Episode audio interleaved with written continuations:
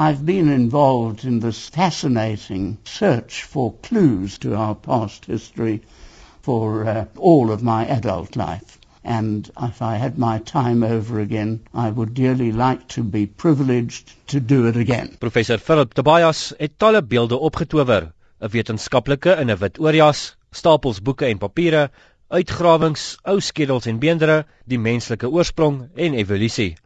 Tobias is op 14 Oktober 1925 in Durban gebore. Genetiese toetse het aangedui dat sy bloedlyn kom van die Arabiere in die Midde-Ooste en die Europese Jode. Hy het sy eerste skryfstuk in graad 4 gepubliseer. I used to read the newspapers when I was 3 years of age. I don't think I knew what it meant.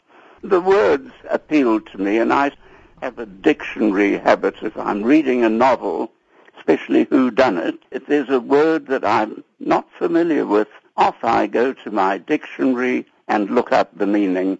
Die diabetes verwante sterftes van sy ouma en ouer suster het hom laat besluit om medisyne by Wits Universiteit in 1943 te gaan studeer. Hy wou weet waarom die siekte homself en sy ma omseil het. I asked our family doctor who knows anything about hereditary disease in South Africa and he said nobody. And so I was determined to become the first person in the country. Tobias het 5 grade aan wits verwerf. Hy het gefokus op fisiologie, histologie, chirurgie, genetika en paleoantropologie. Hy was die eerste wits akademikus om 3 professorskappe gelyktydig te hou in anatomie, biologie en paleoantropologie. Maar dit was fossiele wat hom werklik gefassineer het. Die bekende liedjies van Oos-Afrika het die deure na die beendere vir hom oopgemaak in die laat 1950s, toe hulle hom genader het om al die hominid fossiele wat hulle gekry het te beskryf. Dit het die 1960 Homo habilis of nutsman skedel van die Olduvai Gorge in Tansanië, sowel as die 1994 Littlefoot geraamte van Sterkfontein naby Kreersdorp ingesluit. Sterkfontein en Philip Beyers is sinoniem. Hy het eers in 1945 daar gewerk toe dit slegs 'n klein gaatjie in die grond was. Hy was verantwoordelik vir die ontdekking van sowat 600 ou fossiele in die gebied en het ook 'n rol gespeel om die gebied as 'n wêrelderfenisterrein in 1999 te laat verklaar.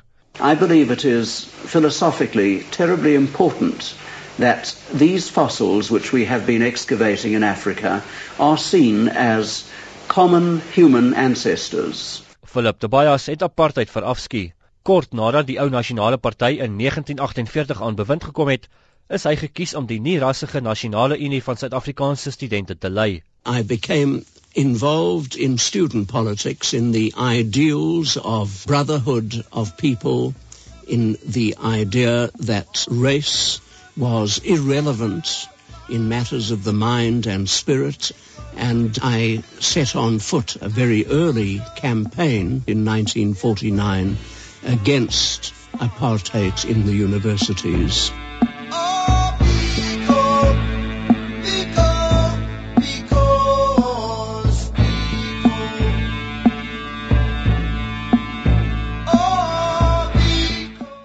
Na aanleiding van Steve Biko se dood in 1977, het Tobias en 'n klein groepie dokters die mediese en tandheelkundige raad na die hof gesleep. Hulle het daarin geslaag om twee van die sogenaamde Biko dokters van die mediese rol te skrap. Tobias het namens Suid-Afrika met die Mensmuseum in Frankryk in 2002 onderhandel om Sarah Bartman se oorskot na die land terug te bring. Hy het ook die fascinerende en krities bekroonde 6-deel SAK TV-reeks met die naam Tobias's Bodies aangebied. Hier het hy eenvoudige maar ingewikkelde vraag gevra. Hoekom is mense gewelddadig? Wat maak jou swart? Is ons almal Afrikane? This series is built around the world through my eyes.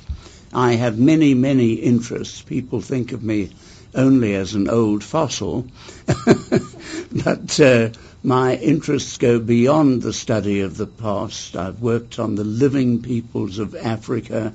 I'm also interested in uh, the political side of things. I'm interested in stories on philosophy and history.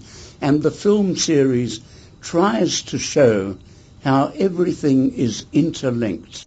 Philip Tobias het meer as 1000 tydskrifartikels, 100 boekhoofstukke en 40 boeke geskryf.